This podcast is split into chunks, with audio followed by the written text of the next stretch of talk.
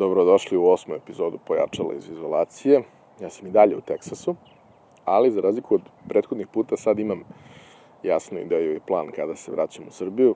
Naravno, pod uslovom da ovaj, letovi ne budu otkazani i ne dođe do komplikacija, tako da ako sve bude kako treba, krajem meseca sam u Srbiji i nakon što prođe sedam dana izolacije, jer iako ćemo imati negativne testove, za svaki slučaj bih ja odsedeo sedam dana kući, jer nas čeka prolazak kroz nekoliko aerodroma i dva duga leta, tako da bolje ovaj, da, da, budemo mirni što se toga tiče, barem kad su u pitanju posete roditeljima, osetljivim grupama i tako dalje.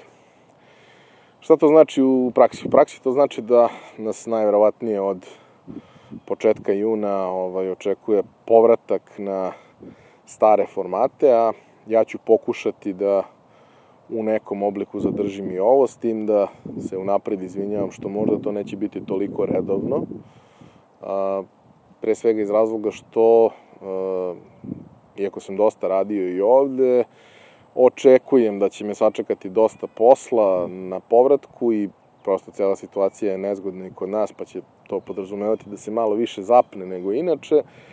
I nisam siguran da ću baš moći svake nedelje da ispoštujem sve što treba, ali kažem, zaista ću se potruditi da to bude tako.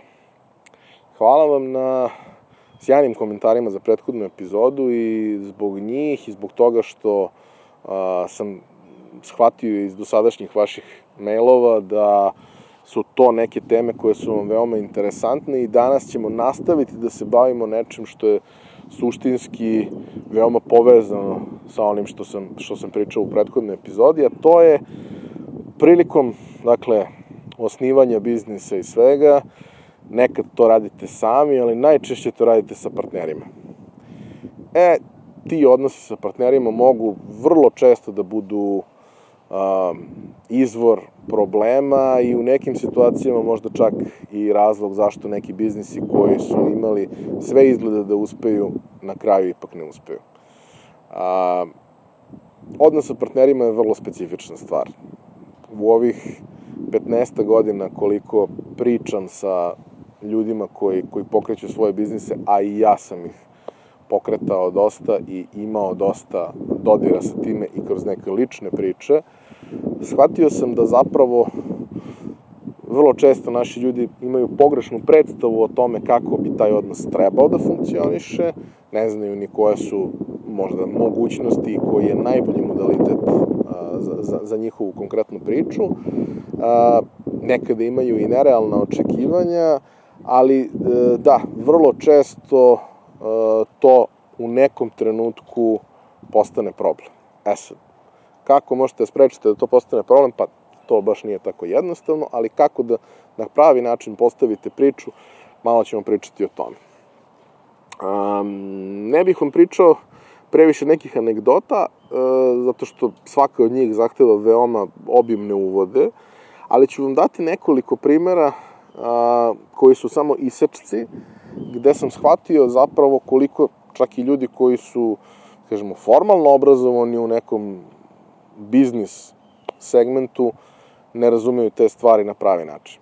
Jedna od tih priča je priča o mojim prijateljima koji su zajedno pokrenuli biznis koji je postavljen bio na taj način da uh, od njih troje, dve osobe vode operativno celu priču, a jedna osoba je tu da svojom kreativnošću skrene pažnju na taj proizvod u moru sličnih drugih proizvoda. I oni su postavili udele tako da taj kreativac zapravo ima značajan udeo. Uh, jedna od ove ostale dve osobe ima isti toliki, a ova treća ima nešto manje, jer su i odgovornosti nešto manje i ona ne investira nikakav novac i tako dalje. Dakle, imali su neku podelu koja je na prvu loptu delovala vrlo, vrlo logično. A, konflikt je nastao nakon nekoliko godina, jer a, nije bilo dovoljno prihoda, a, a biznis je bio postavljen tako da taj kreativac nije zaposlen, nema platu, ove dve osobe imaju platu, u tom trenutku platu kojom nisu bile zadovoljne, u nekim prethodnim trenucima bilo je više novca pa su i bile zadovoljne prihodima koje su imale i e, razlog za, za, za problem bio naravno nedostatak novca, a rešenje tog problema, iako ne vidim na koji način bi to rešilo, je bilo da se kreativac uh, isključi iz suvlasništva, jer eto, on više ne radi ništa. A u osnovi toga kako su postavili celu priču, njegov zadatak je bio da kroz nekoliko vrlo dobro osmišljenih i realizovanih akcija privuče pažnju, što je on uradio i iskreno verujem i premašio očekivanje.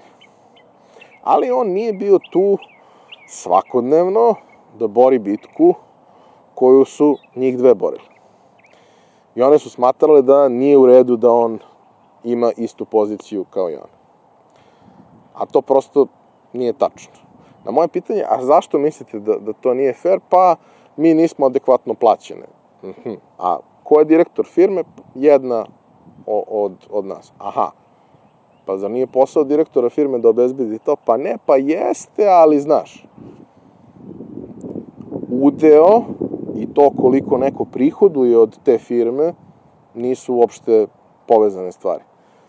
Za mnogi ljude koji iz takve vrste e, emocija ulaze u priču, tako što će svojim znanjem ili kontaktima ili mm, svojim setom veština doneti prevagu nekom biznisu, njihova motivacija može da bude to što žele da probaju da li nešto radi, ali u suštini ako, ako im je važan udeo, to ima smisla ako taj biznis postane ekstremno uspešan pa bude bila velika količina profita koja se na kraju godine deli, ili ako taj biznis bude prodat nekom drugom biznisu, pa taj udeo zapravo ima neku vrednost, jer se udeo, deo udela prodaje da bi neko ko je investitor mogao da preuzme e, većinski deo vlasništva nad firmom.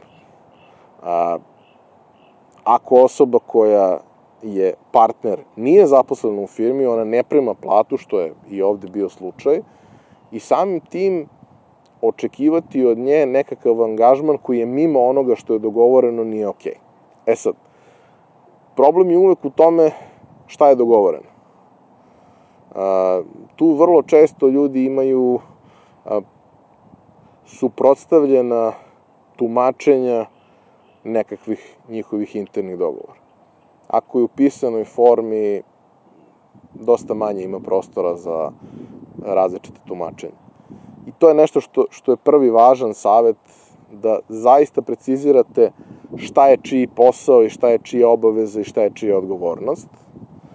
I da ako neko ne ispunjava svoje obaveze, napravite jasan mehanizam i reagujete na vreme, a ne čekate da stvari dođu, da, da u suštini bude, bude prekasno. A, ako pričamo o IT firmama, postoji jako puno modaliteta koji su, koji su tu na raspolaganju, ali ja se njima neću baviti. Ako vas oni zanimaju, a možete ih primenjivati i u drugim biznisima, ne samo u IT-u, eh, o tome možete da istražite. Postoje razne napredne forme kako možete deliti vlasništvo i tako dalje. Danas se ne bavimo tim. Danas se bavimo vrlo onim bazičnim slučajevima kakvih je, verujem, i najviše i onih, onim slučajevima koji su možda najrelevantniji upravo za male biznise koji, koji se otvaraju svakodnevno i čiji vlasnici možda slušaju ovaj podcast ili budući vlasnici koji razmišljaju kako da se postave. A, kako ja volim da postavim stvari, zato što sam ja najčešće i investitor u biznisima u, u kojima sam vlasnik ili suvlasnik. A, uvek ima nekoliko partnera, a, uvek neko od partnera ima obavezu da bude direktor firme i da se operativno bavi svim tim. Nekada ta osoba koja ima tu obavezu ne ulaže novac, nekada ulaže, ali ono što ja negde uvek gledam je da ako je ta osoba zaista zadužena da bude direktor, operativno vodi sve na njoj je kompletna odgovornost i sav pritisak, ja gledam da ta osoba bude adekvatno nagrađena. Pod jedan, to može da se uradi kroz platu, pod dva, to može da se uradi kroz bonuse na kraju godine ili kvartala u odnosu na finansijske rezultate koji su ostvareni. Ali ono što ja negde volim je da postavim i tu mogućnost da nakon što investicija bude vraćena, a postoji neka dinamika kojom smo dogovorili da se investicija u biznis vrati, nakon što bude vraćena, osoba koja je direktor u narednom periodu može da ostvari i dodatni udeo u firmi. Dakle, ako kažemo rok za vraćanje investicije je dve godine i od trenutka kada firma ne bude dugovala ništa osnivačima na ime njihovog uloženog kapitala, od tog trenutka pa nadalje, za svaku godinu koju direktor ostane u priči, ima pravo na 1% vlasništva dodatno koji se uzima recimo iz mog udela, na primjer. A, ne morate to da radite tako. Znam mnoge uspešne firme koje to ne rade tako, koji isključivo Uh, direktor nikad nije bio deo vlasništva, direktor samo dobija jako dobru platu i uh, jako dobre bonuse u odnosu na finansijske rezultate, ali moja logika je uvek bila da uh, osoba koja to vodi, pod uslovom da to radi kako treba, specifikovat ćemo kako to izgleda da, da se taj posao radi kako treba, treba da to osjeća kao svoje. Ne kao samo svoje, ali treba da osjeća da je i on vlasnik toga. I treba da ima sve benefite koje ima jedan suvlasnik, u smislu da ukoliko ta priča bude veoma uspešna i dođe do nekakve prodaje, do kapitalizacije, nečega sličnog, može da dobije neku značajnu količinu novca na, na ime svog udela, jer živimo u zemlji u kojoj je to jedan od načina da se reši neko bitno životno pitanje. Mislim, jedan od načina je kredit, na ljudi koji to zaista izbegavaju ili nisu prosto u poziciji da ga dobiju na, na, na ok način. A, ovo je neko drugo rešenje kako da se dobije učešće za stan ili kupi stan ili reši neko, neko takvo životno pitanje. A, to je jedna od stvari koje, koje ja jako volim. A, jedna takođe od stvari koje na kojima se trudim da insistiram je da ako osoba, kao što smo imali primjer u, u, u onom isečku iz anegdote od, na početku, ukoliko osoba nije zaposlena u firmi i nema, ne mora da ima od 9 do 5, ali nema svakodnevne obaveze da se bavi time, osoba, kad kažem, najčešće su to u pitanju partneri, ne treba da ima platu. Ne treba da bude zaposlena tu, ne treba da ima platu. Ako je osoba može i ne mora bude suvlasnik, najčešće nije. Spoljni saradnik koji radi neki posao, nema nikakvih problema, izde fakturu na kraju meseca, faktura će ti biti plaćena, ali ne treba da budeš u, u radnom odnosu. Generalno ne volim da povećavam broj zaposlenih za stvari koje nisu celodnevna obaveza i posao koji, koji zaista zahteva radno mesto i osobu koja će se baviti tim. To nema veze sa, sa udelima, ali kažem prosto koja je neka moja logika kada pričamo o tome. A, šta je još a, vrlo bitno što, što me često pitate? A, krećem u posao, planiram da zaposlim drugara, a, da li da mu dam ude u priči. Ude u firmi treba da imaju ljudi čiji angažman suštinski dodaje vrednost celoj priči. Dakle, to što je neko zaposlen i to što je vaš prijatelj, može, a ne mora da dodaje vrednost. Ako je on zaista osoba od poverenja, ako je sjajna u tom poslu, ako tu osobu vidite kao, recimo imate pekaru, a cilj vam je da imate 10 pekara i vidite tu osobu kao menadžera koji će da vodi 10 pekara, onda je okej okay da on bude suvlasnik u cijeloj priči. Ako ga vidite kao radnika, koji verovatno neće drastično napredovati, ali vam jeste osoba od poverenja, probajte to da rešavate kroz to što ćete dati bolju platu. Osoba koja ne dodaje vrednost, nisam siguran da treba da bude u udelu. A, jedan od glavnih razloga zašto to kažem je što u nekom trenutku kreću da se postavljaju pitanja o očekivanjima, a očekivanja gotovo niko ne iskomunicira na pravi način na početku i onda se dođe do vrlo neprijatne situacije da kažete ja sam tebi dao da budeš suvlasnik ovoga, a ti nisi uradio nešto što sam ja od tebe očekivao. Nema očekivanja, nema podrazumevanja, ima samo jako mnogo komunikacije i ima samo mnogo jasnih zadataka. Super je ako se razumete na intuitivnom nivou i ne morate međusobno da komunicirate, ali za svaki slučaj mnogo je lakše kad komunicirate, a najlakše je pre nego što dođe do bilo kakvog problema, ako ste komunicirali pisanim putem, onda je bar situacija jasna. To što je jasno do duše ne znači da je možda u vašu korist.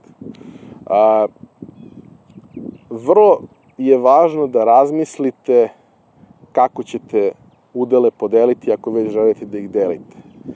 A, kada ih jednom podelite, uvođenje novih ljudi počinje da bude problem. Ako shvatite u nekom trenutku da želite da još nekoga uvedete u priču, ostali koji imaju udele ne moraju se saglasiti sa time da svako da deo svog, da bi ta osoba dobila koliko treba, a vi ako ipak želite da ta osoba bude tu, onda ćete morati od sobstvenog dela da date možda veći, veći procenat nego što želite i to prosto komplikuje celu stvar. Takođe, ono što je veoma bitno, to je da e, ti odnosi idealno je da se reše na samom početku, ali ukoliko je u pitanju neki eksperiment, sačekajte da to postane pravi posao, do tada rešite to nekakvim međusobnim ugovorom, sačekajte da to postane pravi posao, pa onda delite udele, jer, kako to kaže Kari Pešić, da li u Zlatnim momcima ili u 250 stepenika, kad je objašnjavao ekipi zašto je važno da svi zajedno pokušaju da ostvare veliki cilj, jer individualno oni jesu vrhunski, ali ne mogu da dostignu tako nešto, ali zajedno su zaista dovoljno moćni da to urade. Kari Pešić sa svom svojom ovaj, beskrenom harizmom a, jednog tipičnog piroćanca objasnio je to više volim da dobijem dobar komad velike baklave nego da dobijem malu baklavu. E, to je otprilike to. A, vaš udeo ima značaja samo ako postoji rezultat. Rezultat može da bude pozitivan ili negativan, rezultat može da bude profit e, i sreća i sve što uz to ide, a može da bude i dug. I samo u tom slučaju taj udeo znači preuzimanje dela odgovornosti za neke od tih stvari. Ako ne ostvarite time ništa, 50% ničega i dalje ništa. I samim tim mislim da nije toliko važno uh, baviti se velikim projekcijama pre nego što postoji tržišna potvrda da postoji biznis. To ne znači da sa ovim treba da čekate, to nikako ne znači da ljudima treba da obećavate stvari, a onda da to ne ispunite. Vrlo budite pažljivi, komunicirajte fair i iskreno i postavljajte uslove kojih ćete se pridržavati. Jedan od njih može da bude uh, dođi, radi kod nas, ukoliko budeš radio dve godine, dobit ćeš 10% firme.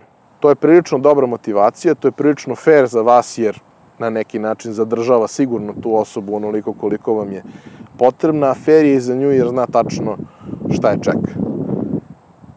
Osim što ćete to reći, stavite to na papir. Mnogo je bolje i mnogo je jednostavnije i mnogo je jeftinije da angažujete advokata na početku nego kasnije kada dođe do problema. Kada angažujete advokata na početku, makar ćete precizno definisati sve, a kasnije kako stvari mogu da se odviju nisam siguran koliko je više u vašim rukama. To je ono što sam hteo da podelim sa vama u ovoj epizodi. Polako pada mrak. Ovde, kao što vidite, radno i gradno. Ovaj, inače je obično buka, ali sad je mir, osim kad prolaze ovi fini ljudi sa biciklima, sa beatboxovima. Ovaj, sad je mir i sad nema previše sunca, pa sam iskoristio priliku da snimim odavde.